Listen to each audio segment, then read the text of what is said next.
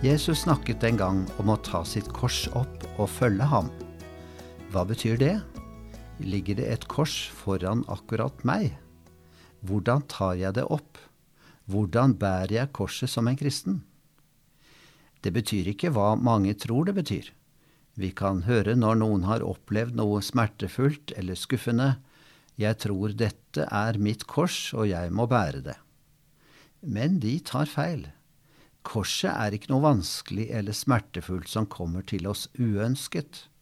Husk at Jesus sa, Ingen tar mitt liv, jeg gir det frivillig. Jesus gikk frivillig til korset på grunn av lydighet mot Gud. Derfor er korset, som vi er kalt til å bære, lydighetens kors. Det handler om evnen og viljen til å be, la ikke min vilje skje, men din. Dette kan være vanskelig. Det vanskeligste med å være disippel er viljen til å slippe kontrollen. Vi ønsker selv å avgjøre hvilke bud vi vil adlyde, og hvilke vi vil overse.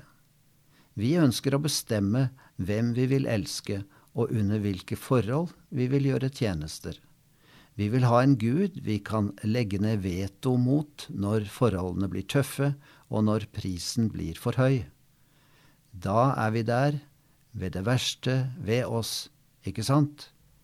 Vi har avsatt Gud fra tronen og satt oss selv på den.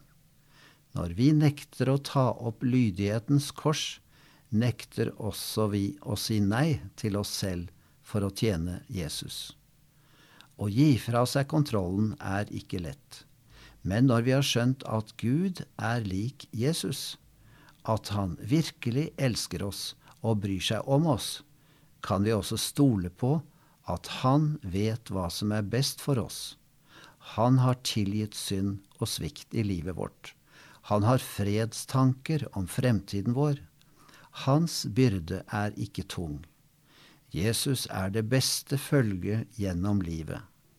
Når vi virkelig er overbevist om det, da kan vi be. La ikke min vilje skje, men din.